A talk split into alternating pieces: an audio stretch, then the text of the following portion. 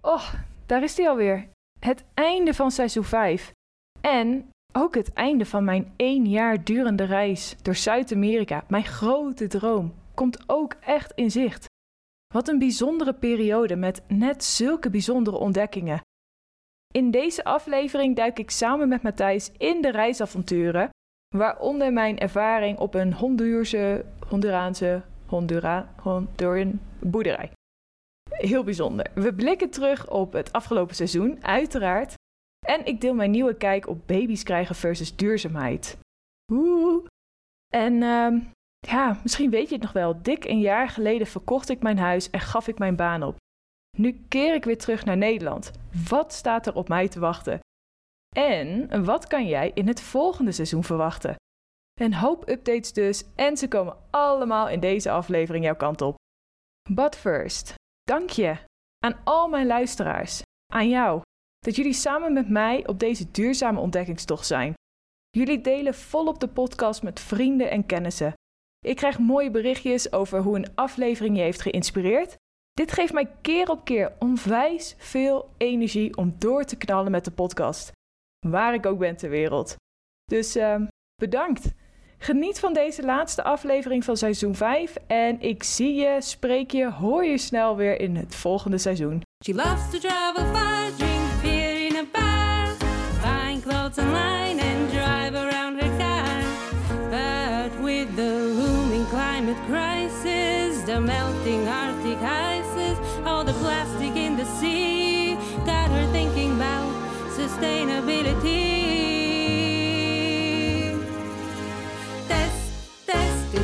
Sustainability. Woo!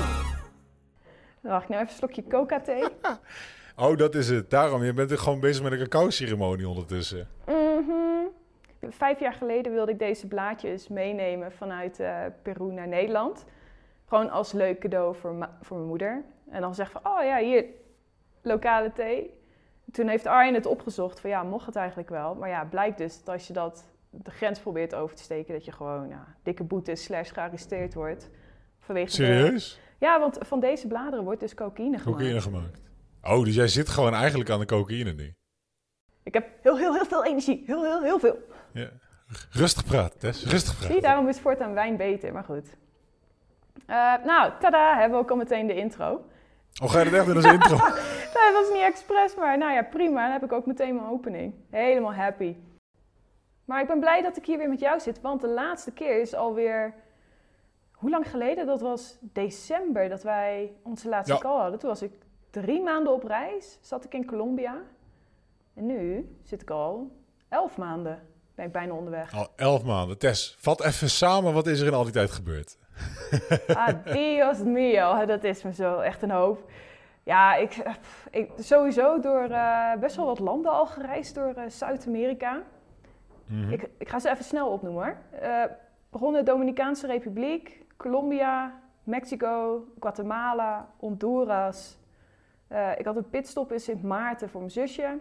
Daarna Argentinië, Patagonië, waaronder Chili. Mhm. Bolivia en dan nu in eh, Peru. Met nog maar eh, anderhalve maand te gaan en dan zit het er alweer op. Dan is het voorbij. Dan heb je meer dan een jaar eh, gereisd en dan eh, terug naar Nederland. Ja, een jaar en een week om precies te zijn. En dan weer terug naar Nederland. Bizar hè? Ja, dan vliegt denk ik opeens de tijd, of niet? Eh, Wauw, ik vind, ja, ik vind het wel een beetje. Ik kijk er wel naar uit hoor, om weer terug te gaan naar Nederland. Eh, maar ik vind het ook dan wel weer scary dat dit, de grote droom, dan eind, ja, eigenlijk ook weer tot een einde komt.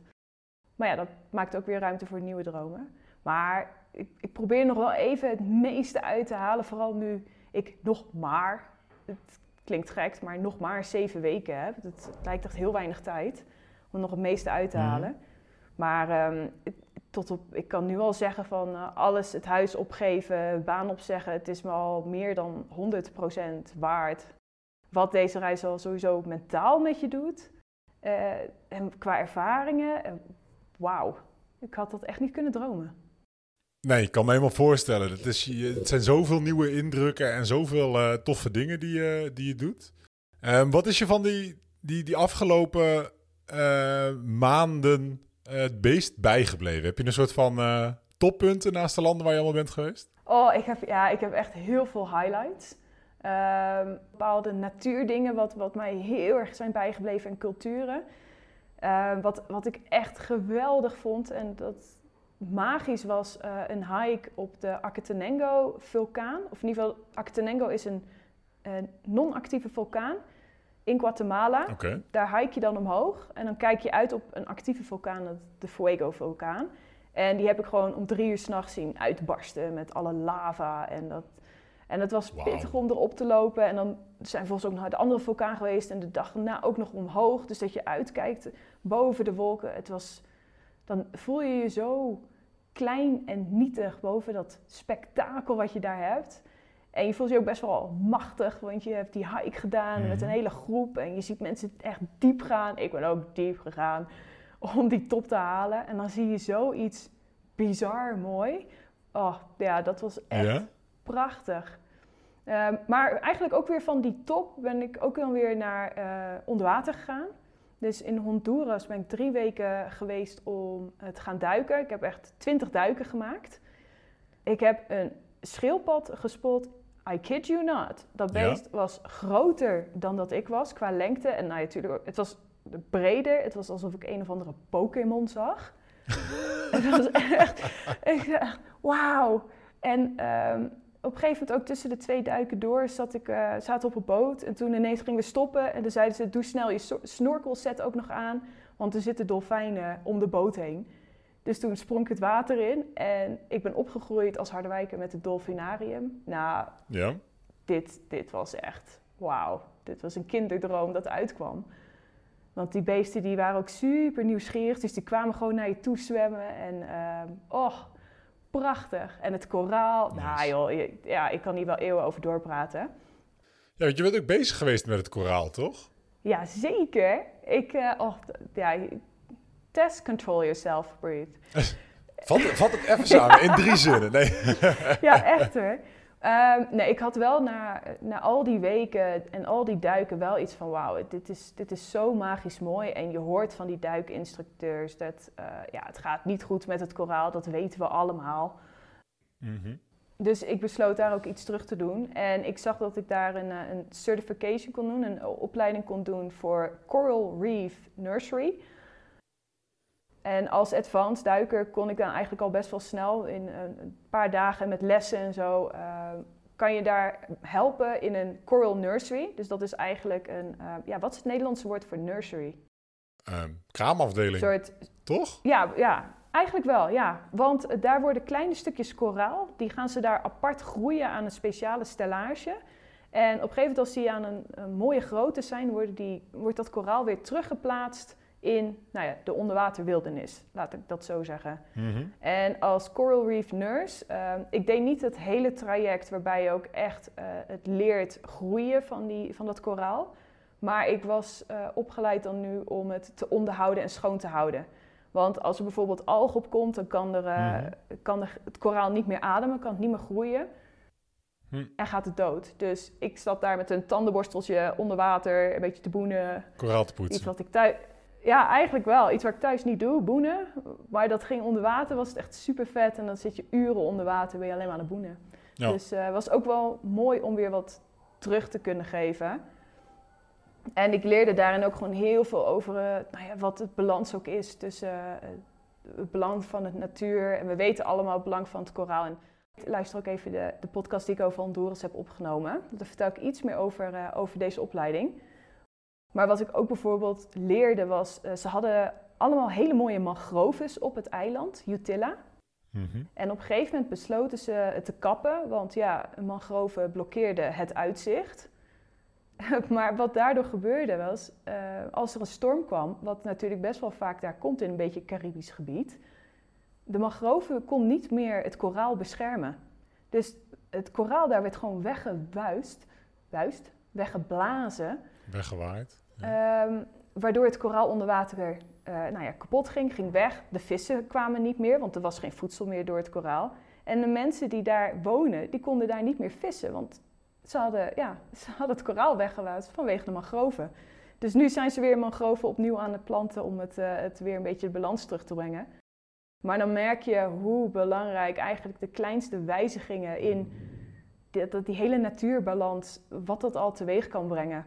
Dus eh, dat vond ik wel heel interessant en mooi ook wel om te horen. Ja. Dus ja, dat was echt een hele bijzondere. Ook nog iets wat ik wel echt wel eentje vind om te highlighten was ook in Honduras. Wij moesten even een week, iets meer dan een week overbruggen tot we het, het land gingen verlaten. Dus ik vond ergens in the middle of nowhere een boerderij. En zij, eh, Mhm. de eigenaresse is een Nederlandse, dus dat was wel heel leuk. Die heeft daar gewoon een boerderij van 70 hectare. En wij hadden daar een apart huisje op en ik kon helemaal meekrijgen van... hé, hey, hoe, hoe, hoe zit dat nou eigenlijk daar? Ik mocht bijvoorbeeld een ochtend meewerken met het cacao. En daardoor heb ik echt een nieuwe respect gevonden voor al die cacaoboeren wereldwijd. Want allemachtig, wat een werk. Ja, is dat zwaar, ook zwaar werk? Oh, jeetje, ja. En die hitte. En eh, de cacaobonen waren, of die eh, vruchten waren al geplukt. Dus dat was echt een stapel van die vruchten. Die moesten wij dan openhakken en dan met de hand eh, het pulp eruit halen. Oké. Maar het was zwaar in de hitte en er komen allemaal insecten op je af. En hakken en dat plukken en het was veel. En ik ben maar twee uur bezig geweest. Vervolgens alles met die zakken mee naar boven getild, weer de berg op. Om, eh, om het te laten drogen. En van de een deel werd cacao of eh, werd chocolade gemaakt en van de andere iets met de pulp eh, had ze verkocht. Maar het was zo hard werken voor eigenlijk zo weinig chocola. Ja, wat ik zei, dat, dat brengt echt een nieuwe respect voor de, de cacaoboeren met zich mee. Ja. Dus dat vond ik wel echt een eye-opener. Ehm, en wat ik heel erg interessant vond, is in eerste instantie toen we daar aankwamen rijden, schrok ik een beetje. Want eh, bijna 70 hectare land stond vol met van die oliepalmen. En dat Oh. is bekend van de beruchte, dramatische palmolie. Drama mag echt niet. Maar wat ik heel erg van, ehm, van de eigenaresse hoorde is... Ja, weet je, Tess, de reden dat wij dit hier hebben is... één, de vraag is nog steeds gigantisch. Mhm. En het is voor ons natuurlijk een kwestie van overleven. Dus net zoals in de rest van Honduras of in Zuid-Amerika... van ja, waar de vraag is, komt er aanbod. Dus bij ons is dat ook gewoon zo. Eh, wij kunnen hier veel meer voor verdienen dan, eh, ja, dan een, Van andere van, gewassen. van de gewassen. En eh, als je ziet hoe arm dat land ook is, ja, dan snap je het ook wel. Van, ja, uiteindelijk. Ja, je, kan, je kan ze bijna niet kwalijk nemen. Nee, nee, dat is het dus. Van, ja, who am I to judge? Ze zijn aan het overleven. En ehm, dat plus ook op bepaalde grond groeit ook gewoon niet heel veel anders. Dus het is een heel erg rotsachtig gebied, waardoor eigenlijk alleen die type palmen daar kunnen groeien. Eh waardoor ja, het nog een logische stap is. Maar ik ben wel van mening veranderd van ja, het is niet meteen de worst case ever. Het is ook gewoon door wat wij als Westelingen eh, vaak ook als wens hebben. Ja, als wij dat soort eh, producten blijven vragen, dan is het logisch dat ze daar natuurlijk de, het aanbod naar hebben. Ja, ja. Ook wel zeggen. Ja, en, en je hebt tijdens je reis eh, ook in een tiny house gezeten. Was dat ook daar of was dat... eh, Nee, nee, oh nee, dat was een van mijn favoriete plekken ter wereld. Mendoza-regio, Argentinië. De wijnregio van Zuid-Amerika. 80% van de werelds Malbec wordt daar geproduceerd. Nou, laat dat net mijn favoriete wijn zijn. Dus nee, toen we naar Argentinië gingen, toen heb ik eh, inderdaad een tiny house eh, geboekt in Mendoza-regio. Dus mijn dagen waren gevuld met wijn drinken en genieten van het tiny house. ik moet zeggen, één, na al die hostelkamers, hotelkamers, was een, een hele grote, oftewel gewoon een tiny house, was echt een, eh, verademing. Het was gewoon een woonruimte. Ik vond dat echt eh, zalig, moet ik zeggen. Ik heb natuurlijk een paar seizoenen geleden een interview gedaan over een tiny house. En, ik en toen woonde ik in een gewoon Mhm. normaal rijtjeshuis. Toen dacht ik, oh jeetje, het is wel klein, ook met z'n tweeën. Maar ik vond het juist heel erg ontspannen wonen. Van ja, je hebt alles wat je nodig hebt. Je hebt niet zoveel... lekker overzichtelijk. Ja, lekker overzichtelijk. Super praktisch. Ik heb ook niet zoveel zooi nodig. Ik vond het echt een, eh, een verademing. En dat is niet omdat ik elke dag een Ja. fles wijn had. Ik dacht ook normaal zo. maar jij hebt ook eh, tiny gewoond, toch? Jij hebt juist eh, drie maanden met een camper rondgereisd Ja, afgelopen jaar. Ja, dus ja, mijn, ik ben inderdaad eh, nou ja, vorige maand teruggekomen van, van mijn reis. Die was inderdaad eh, net, net wat korter dan een, jaar en een week. Maar met drie maanden ook echt al een hele, een hele trip. We samen met mijn vriendin in eh, zo'n omgebouwde ehm, camper, bus, zijn we door Italië gaan reizen. Dan hebben we eigenlijk heel Italië gedaan. langs de, de westkust naar beneden toe. Toen overgestoken, heel Sicilië rondgereisd. En toen weer langs de, langs de oostkust, zeg maar, omhoog. Praktisch heel Italië, Italië gezien. Oh, magisch. En dan merk je eigenlijk ook dat Europa, dat kan ik me nou ook wel beamen van een afstand, eigenlijk ook super vet is om te ontdekken. Ja, nee, heel gaaf. En, en sowieso met zo'n camper is een hele toffe manier om het te doen. Eh, maar dan leef je inderdaad ook. We hadden een, eh, nou ja, het bed was eh 1,20 bij 2 meter. En we hadden een keukenblok en eh, nog een losse stoel, een koelkast. Eh, maar verder van alles wel, zeg maar, ehm, ehm, afhankelijk geen wc en geen, eh, geen douche. Dus we zijn heel veel van camping naar camping getrokken. Maar ja, dan is alles wat je hebt zitten in de, in, ja, in, de, in de achterkant van je bus en that's it. En hoe was het dan voor jou? Want ik ken jouw huis en jouw huis is echt huge. Echt huge. hoe is het voor jou die overgang sowieso van groot naar klein en nou weer ook van klein naar groot? Ja, weet je wat, dat is van groot naar klein viel ons echt alles mee. Er is geen, geen moment, eh, en dat hebben we allebei niet gehad, waarop we in de drie maanden eh, zoiets hebben gehad dat we, dat we heel veel tekort kwamen. Maar het grote voordeel is dat je natuurlijk onwijs veel buiten leeft. Ja. En weet je, en dat is het denk ik ook met zo'n zo'n tiny house. Eh, ik weet niet hoe dat hier in Nederland is, maar wij hebben maar heel weinig dagen echt in de camper moeten zitten. En als de rest van de wereld natuurlijk je, de, de ruimte is waar je in rond kan wandelen, dan is het allemaal best wel groot, omdat het altijd mooi weer is. Ja. En als je dat hier in Nederland hebt, dan heb je natuurlijk, ja, je hebt ook te maken met winters, en je hebt ook te maken met herfst. Ehm, en dan moet je in die kleine ruimte zitten. Dus ik weet niet of ik helemaal goed de vergelijking kan hebben. Kijk, een tiny house in Italië zou even ideaal zijn bijna. Dat helpt heel erg. Ja. ja, ik moet zeggen, toen ik in mijn doos zat, het was wel eh, winterseizoen. En de tiny house is wel aanzienlijk groter dan jouw camper. Ja, Dat ook toegegeven. En het was gewoon lekker warm en cozy. Dus ik moet zeggen, eh, ik zou inderdaad een camper in de winter.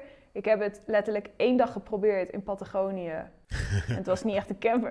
het was, dramatisch. Het was, het was een van met een, een hout meubilair van binnen. Het was zo, zo ijskoud ja. dat we toch maar een huisje hebben geboekt voor de dag erna. Het was niet te doen. Dus daar denk ik ook van ja, winter, winter in een camper. Als iemand ervaring ermee heeft, eh, deel het graag. Maar ik kan het me niet voorstellen. Ik vind, het lijkt me ook heftig. Maar een tiny house, dat was echt, eh, ja, gewoon perfect qua ruimte. Dat was echt goed te doen. oké. Ja, En daarna weer terug naar groot. Eh, sorry voor het tweede deel van je vraag. Ja, ik weet dat wij echt terugkwamen. En we hebben tijdens de reis al meerdere keren tegen elkaar gezegd... wat, wat moeten we thuis met die ruimte? Weet je, in, in, in hemelsnaam, waarom hebben we zoveel? Je beseft dat je maar zo weinig nodig hebt... eh, om ja, je, je hele maand, je maanden mee door te komen. Zeg maar. Alle spullen die we thuis hebben neergelegd... die heb je drie maanden niet gezien... maar ook drie maanden niet gemist of helemaal niet nodig gehad. nee. Ehm, en ondanks dat wij al heel weinig eh, de zooi hebben of zo, en, en wij best eh, het allemaal nog wel meevalt. Ik weet niet. We hadden echt heel erg, het gevo- heel erg het gevoel dat je zoveel minder nodig nog hebt dan je denkt. En, en dat je dan ook eh, super happy kan zijn. Ja, ja grappig. Ik, ik heb precies hetzelfde van... hey, als ik straks naar Nederland terug ga... Wat, wat heb ik daar eigenlijk nog zitten? We hebben nog een storage room met eh, spullen, maar ja, ik, ik weet niet eens meer wat erin zit en wat heb ik nodig. Ik, ik vind dat ook, eh, kleding ook. Ik, denk, ja, nou oké, ik moet zeggen, ik ben wel even klaar met mijn backpacker kleding. Ik voel me echt Johnny na eh, een jaar in dezelfde kleding. Dat moet ik wel toegeven. Maar eh, ja, je, je merkt echt wel dat met minder je ook wel heel ver kan komen. Ja, En gelukkig kan zijn. ja, zeker. Wat ik trouwens nog wel, ehm, voordat we misschien een stukje ervaringen ehm, afronden, want ik heb er nog, ik heb nog zoveel. Er is wel één ding, als we het hebben over duurzaamheid, wat mij heel erg is bijgebleven, wat ik echt heel erg confronterend en chockerend vond. En dat is wel echt, echt die plastic vervuiling. Ja? En ook hoe daar eh, mee om wordt gegaan. Ik weet eh, dat we het de vorige keer ook over hebben gehad. En dat ik toen ook zei van ja, weet je, er is ook niet een systeem. eh, waarin het wordt opgevangen. Hè. We hebben in Nederland natuurlijk de overheid die het helpt met de plastic, nou ja, verbranden, hoe heet dat nou? Verwerken. Recyclen. recyclen, ja. whatever, verwerken, dat bedoel ik. Eh, hier is dat niet het geval. En het klopt, je merkt ook bij de mensen zelf van... oké, al het afval wordt mijn probleem. Ik ga zorgen dat het niet meer mijn probleem was. Waardoor je Mhm. dus nu overal, overal plastic ziet liggen op straat, in de natuur, wat je ook doet. Eh, ik was een paar weken geleden in Bolivia, ging mijn trek toch weer maken te paard. Keek ik voor me en dan zag ik prachtige natuur, echt rotspartijen, een waterval, wauw. En dan keek ik om en dan zag ik de picknickplek en het was gewoon één en al plastic zooi. Nee, troep. Ja. We, we reden met, eh, in een busje van, met zeven Bolivianen, reden we eh, van punt A naar punt B. En mensen deden het raampje open en gooiden hun afval naar buiten, deden het raampje weer dicht. Bizar. Eh, Gisteren zaten we weer in een busje van, van A naar B en de bus voor ons. Ik zag ineens plastic tasjes uit het raam gegooid worden. Nou, ik, eh, ik ben echt nog steeds in shock. En niemand kon mij vertellen van waarom ze het doen naast het probleem van we kunnen, we kunnen het afval niet kwijt. Ja. Dat is het. En dan denk ik, ja, Dus laat het maar overal slingeren. ja, van nou is het niet meer mijn probleem. Of eh, ja, dat vooral. Het is nou niet meer mijn probleem. En dat vind ik nog wel echt, vond ik wel echt een hele lastige, ja. Voel je een beetje machteloos. Ehm, even de overstap, want eh, een van de dingen die ik, eh, die ik met mijn reis heb meegemaakt, ehm, was dat de ruimte dat we die echt niet nodig hadden. Iets wat wij wel heel vaak eh, zagen waren mensen die ook reizen en die kleine kinderen mee hadden en die toch met zo'n camper onderweg waren. Ehm, kleine, kleine kindjes varieert van, van baby's tot nou ja, een jaar of vier, vijf. En dan lijkt zo'n beperkte ruimte ehm, mij opeens heel anders als je zoiets hebt. En datzelfde geldt ook voor een tiny house. Weet je, met z'n tweeën kan ik me helemaal voorstellen dat dat prima is. Maar als je er kleintjes rond zou hebben lopen, dan kan ik me voorstellen dat dat eh, nog heel anders voelt. Ja. Ik, eh, ik weet ook niet hoor. Ik heb ehm, een oud collega die is onlangs, eh, heeft ook een baan opgezegd en is een half jaar gaan reizen met een camper met twee kinderen. Dus misschien kan dat, maar Zo. Ja, kinderen. Ik, ik vond dat onderwerp, want dan gaan we natuurlijk even over de podcast hebben natuurlijk. Obviously, over afgelopen seizoen. Ja. We kinda have to. ja, ik vond dat een, een best wel spannend interview. Ik, het was ook een testcasus, hè. Ik heb met drie luisteraars dit gesprek aangegaan over kinderen. Ik heb heel erg nagedacht. Dat, dat gebeurt wel eens. Ja. Ik heb sinds het eh, interview, het- dat was in januari, heb ik het interview opgenomen met, eh, met de dames. ja, dat was de allereerste aflevering van dit seizoen, hè? Ja, ja inderdaad. Ja. En ik, ik merkte toen de tijd was ik nog heel erg zoekende van hoe sta ik eigenlijk in dit onderwerp? Kinderen krijgen. Ehm, onderhand zijn we, het is van eh, acht maanden verder. Eh, ik merkte dat tijdens de reis sowieso, ik heb heel veel tijd om na te denken. Ik heb ook heel veel tijd om met Arjen te praten. En wij merkten eigenlijk toch wel dat er een beetje een verandering is in de kinderwens bij ons, dat die er eigenlijk wel is. Oh. I know, shocker. Ik merk ineens klapperende eierstokken, ik weet niet wat er gebeurt. Maar het, het, idee dat eh, geen, ja, om kinderen te krijgen, begint me steeds wel weer aan te spreken. En dat betekent niet meteen eh, morgen knocked up. Dat kan een jaar, kan twee jaar, whatever. Ja. Maar ik merk wel dat ik er ehm, ja, toch wel heel erg voor open sta.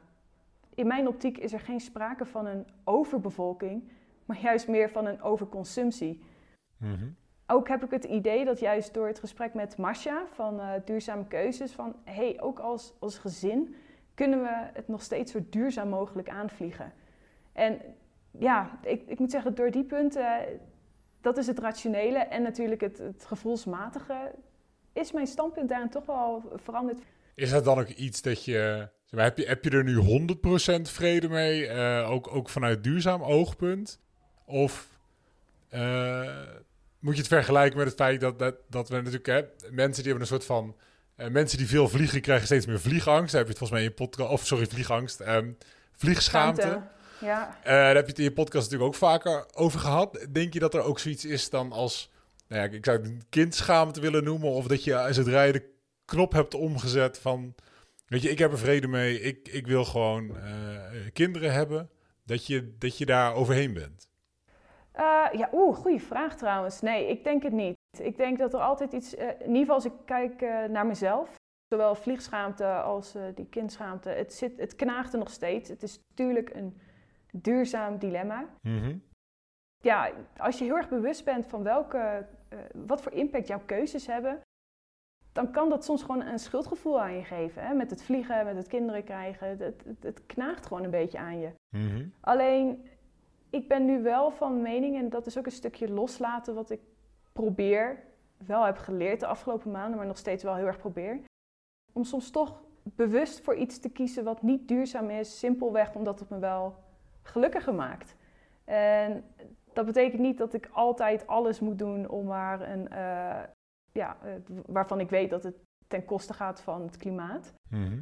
ik weet zeker als je bewust bent, eh, zo, ja, of bewust keuzes maakt, dat je dat grotendeels toch wel een positieve stap gaat maken. Maar ja, soms is het, soms is het gewoon even niet anders. Of soms kies je er gewoon bewust voor om niet duurzame stap te maken. En that's okay. Weet je, je leeft toch ook maar, ik ga hem erin gooien, één keer, YOLO.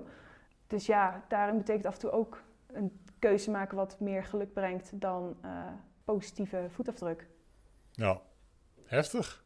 Ja, vind je? Ik vind, ik vind het juist een hele, ik vind het een hele verademing, juist zo'n gedachte. Voor jezelf. Ja, het heeft me echt zoveel rust gegeven. Want eh, ja, don't get me wrong, ik heb echt met tranen op het vliegveld gezeten. En ook ruzie gehad met Arjen. Dat, dat hij ook gewoon zegt van, ja, weet je Tess, op een gegeven moment... eh, Je hebt de keuze gemaakt. It is what it is. En je doet bijvoorbeeld deze reis ook gewoon omdat je... Dat dat je droom is, je wil genieten. Ja, soms komen er ook gewoon iets niet positieve keuzes bij kijken. En door deze ja, kijk erop, dus vind ik het juist een hele verademing. En ja, meer rust. En naast, eh, de, dit, was, dit was de eerste aflevering van, eh, van, van dit seizoen. We gaan echt niet alle afleveringen bespreken. Eh, een van de dingen die je dit seizoen weer hebt meegekregen of nieuw hebt geleerd, los van je reis. ehm, waar we het zeker nog even over moeten hebben. Ja, nou, ehm, al met al, net zoals altijd, elke aflevering heeft mij heel veel gebracht. En ik ben ook ontzettend dankbaar voor elk gesprek wat ik heb gedaan. Wat ik eh, vooral wil highlighten is toch mijn gesprek met Masha over hoe je gezinsleven zo duur mogelijk, duurzaam mogelijk kan aanvliegen. Maar ook haar handige eh life hacks, waarbij ze dus refereerde naar onze voorouders, die eigenlijk op best wel praktische manieren er zorgden ervoor dat we een duurzame stap kunnen zetten. Bijvoorbeeld eh, eten langer warm houden met behulp van doeken in een mand. Eh, gewoon van die bizarre dingen waar je nooit op komt. Eh, en wat ik echt wel heel erg lachen vond, was mijn gesprek over hennep. Mhm. Ik heb nooit stilgestaan over dat plantje en wat het eigenlijk allemaal kan. En eigenlijk dat het gewoon zonde is wat voor stigma er nog op zit. Als we eigenlijk dat stigma doorbreken, wat we eigenlijk kunnen bereiken met gewoon zo'n simpel plantje. Hoeveel CO2 eh, dat kan opnemen, wat we allemaal ermee kunnen doen qua producten. Het is echt eigenlijk een geniaal product. Dus die wilde ik ook nog even highlighten. Dus vanaf nu moeten we allemaal ook hennep gaan kweken. Ja, ik had ook al gevraagd, van, kunnen we dat gewoon in, ons stand, eh, in onze tuin planten? Maar eh, helaas is dat nog niet mogelijk. Dat zou wel echt heel chill zijn. Nee.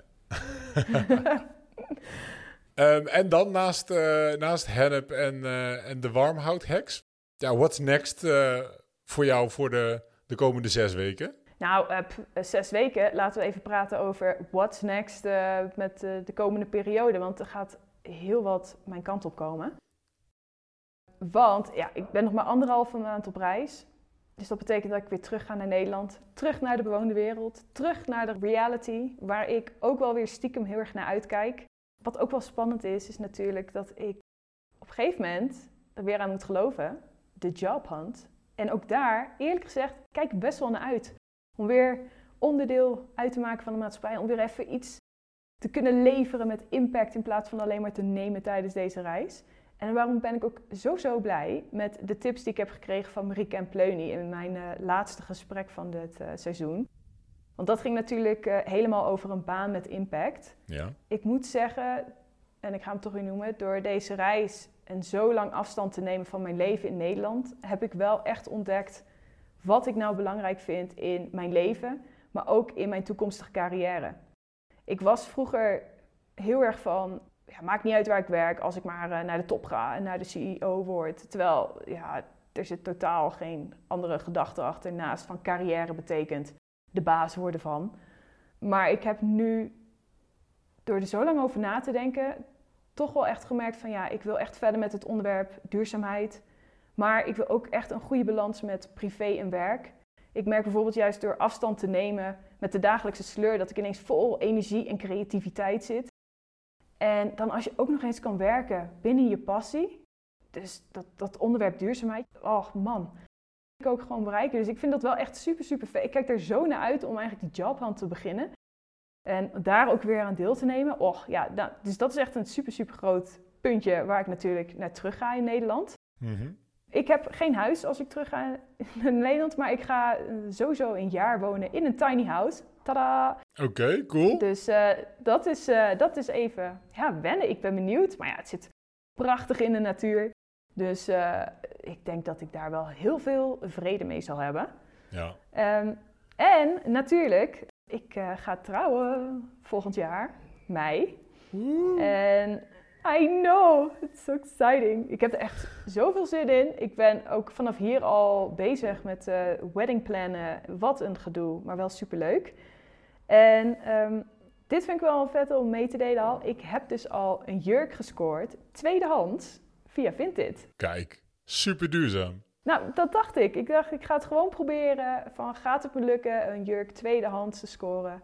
Ja, ik heb geen idee hoe die staat. Ik kan hem pas in oktober gaan passen. Dus misschien is het één groot drama. Maar ik vind het wel een mooi experiment om te kijken... hoe kan ik eh, ja, een tweedehands jurk toch weer een nieuw leven geven. Dus ja, ik, ik ga het ook zeker delen. Tuurlijk de jurk nog niet, want God forbid dat Arjen dat gaat zien. Nee, het moet echt geheim blijven tot de dag zelf voor hem. Ja, zeker, zeker, zeker. Dus ook social media, jullie krijgen pas, op, eh, pas na de bruiloft eh, te zien. Dus ik hou nog even in spanning, maar ik ben benieuwd. Ik laat in ieder geval weten of het past, ja of nee, of het een succes is. En anders begin ik de jacht opnieuw. Ehm, en dit brengt me wel op het laatste punt en dit wil ik ook echt delen, want ik, ik zeg als doel heb ik het voor de bruiloft, maar het is gewoon een algemeen doel. Maar goed, de bruiloft 26 mei 2023 maakt het lekker concreet is namelijk om super fit te worden. En sinds deze reis, mijn lichaam kent nu onderhand alle vormen en maten, whatever. In ieder geval ben ik niet meer zo super strak en uh, fit als dat ik was toen ik vertrok. Maar ik heb dus het doel om eigenlijk zo op een zo plantaardig mogelijke manier super fit, super strak te worden. En uiteraard, ik ben Tess met het stukje te, dus dit gaat ook weer met een klein beetje uh, too much aanpakken. Uh, want ik ga dit super strak aanpakken met uh, metingen. Dit ga ik ook online delen. Ik ga mijn voedselregime ga ik ook delen en mijn trainingsregime delen. En daar komt een apart podcastsegment over. Zo. Om gewoon te laten zien hoe je plantaardig fit kan worden. en ik ben de testcase itself, dus ik zal het open boekje doen. En uh, ik ben natuurlijk niet 100% plantaardig altijd. Af en toe kaasplankje, een wijntje, whatever. Dat moet ook kunnen. Dus ik ga gewoon delen hoe, dat, uh, hoe ik dat ga aanpakken. Hiervoor heb ik trouwens nog wel een naam nodig voor dit podcastsegment. Dus als jij of iemand van de luisteraars een idee heeft, alle tips zijn welkom. Open inschrijving. Ik zat te denken, ja, fit vegan aflevering, fitty vegan, vegan fox dingen. Nou, whatever. ik heb ideeën nodig om uh, dit segment een naam te geven. dit segment een naam te geven. Dus uh, kom er door met die creativiteit. Maar stuur me dat dan even via Instagram of uh, een mailtje testsustainability@gmail.com. Oké, okay, grootste plannen, super gaaf. Mm -hmm. En nou, je hebt heel wat, uh, wat, Je hebt geen moment stilzitten zodra je thuis komt, volgens mij. Nee, ik merk ook echt. Uh, mijn batterij is 200% opgeladen. Ik, ik, ik, ik, ik gotta get out. Ik moet het even ontladen. Er moet weer even wat gedaan worden. Naast uh, de hikes. Ik, ja, bubbel van creativiteit en ideeën. Dus tijd voor actie. En in Nederland is het voor jou ook weer een stuk relaxter podcast opnemen, kan ik me zo voorstellen. Oh, um, echt, please, yes, please. Tijdsverschillen, het niet weten waar je over een week bent. Dit kleine kut microfoontje, ik ben er helemaal klaar mee. ik wil gewoon weer om tafel zitten met mijn gasten. Dat, uh, het is toch anders. Dus uh, nee, seizoen 6, dat, uh, dat wordt weer beter in mijn optiek. In ieder geval anders. Dat gaat zeker goed komen. Ja. Heb je, kan je al iets uit de, uit de doeken doen van iets wat je gepland hebt voor seizoen 6? Of blijft het allemaal nog uh, geheim? Ik kan zeggen, het blijft geheim omdat ik mysterieus wil blijven. Maar het zijn voornamelijk nog ideeën wat ik heb. Dus ik, ik ben nog bezig met de gasten strikken voor seizoen 6, die ik heel graag wil. Ik hoop heel graag wat meer te kunnen leren over moestuinen. Ik wil heel graag leren over wildplukken. Ik ben heel erg nieuwsgierig naar beleggen. Duurzaam beleggen. Dus... oh, niet boterham beleggen? Nee, nee, duurzaam beleggen. Dus de, ik heb heel veel onderwerpen waar ik nieuwsgierig naar ben. En als de luisteraars ook natuurlijk weer onderwerpen hebben die ze graag willen horen, zoals ze afgelopen seizoen ook aangaven, dan uh, ben ik daar ontzettend benieuwd naar. En dan kan ik kijken wat ik, uh, wat ik daarvoor kan doen. Dus uh, to be continued. Ik zie trouwens wel dat mijn batterijen nu op 10% zitten, dus het begint nou een beetje spannend te worden, Matt. Nou ja, volgens mij zijn we er ook zo'n beetje. Ik bedoel, met deze uh, ook open uitnodiging naar, naar iedereen die een goed idee heeft om contact met jou op te nemen. Of voor uh, het fit deel, of natuurlijk gewoon voor testen sustainability. Ik kan me voorstellen dat onder je luisteraars ook ontzettend veel mensen zitten die hele toffe ideeën hebben. En die ook met al deze onderwerpen weer verder kunnen helpen voor een, uh, voor volgend seizoen. Absoluut, absoluut. En jou zie ik over een paar weken in Nederland weer. Eindelijk. Helaas, dit is de laatste podcast op afstand, denk ik dan. Als je, als je dit keer gewoon in Nederland blijft wonen, dan kunnen we de seizoensfinale van het volgende seizoen gewoon weer in persoon doen. Uh, in plaats van zo op, uh, op enorme afstand. En dan niet met een uh, coca-theetje, maar eindelijk weer met een lekkere wijn. nou, volgens mij, als ik je verhalen zo hoor, ben jij daar de, komende, de afgelopen paar maanden helemaal niet tekort in gekomen in, in wijn. Hey Matti, ik zeg uh, dankjewel en uh, wij zien elkaar snel. Is goed. Hele fijne reis nog. Geniet van de laatste anderhalve maand en uh, tot de volgende keer. Test, test to sustainability. Woo! Ja, dat was hem weer. Ben jij ook weer zo ontzettend geïnspireerd om je leven een stukje groener te maken? Nou, ik wel. Heb jij van deze aflevering genoten? Vergeet hem dan ook niet te delen via social media of deel deze aflevering met iemand waarvan jij denkt, die kan hem goed gebruiken. Tot de volgende aflevering.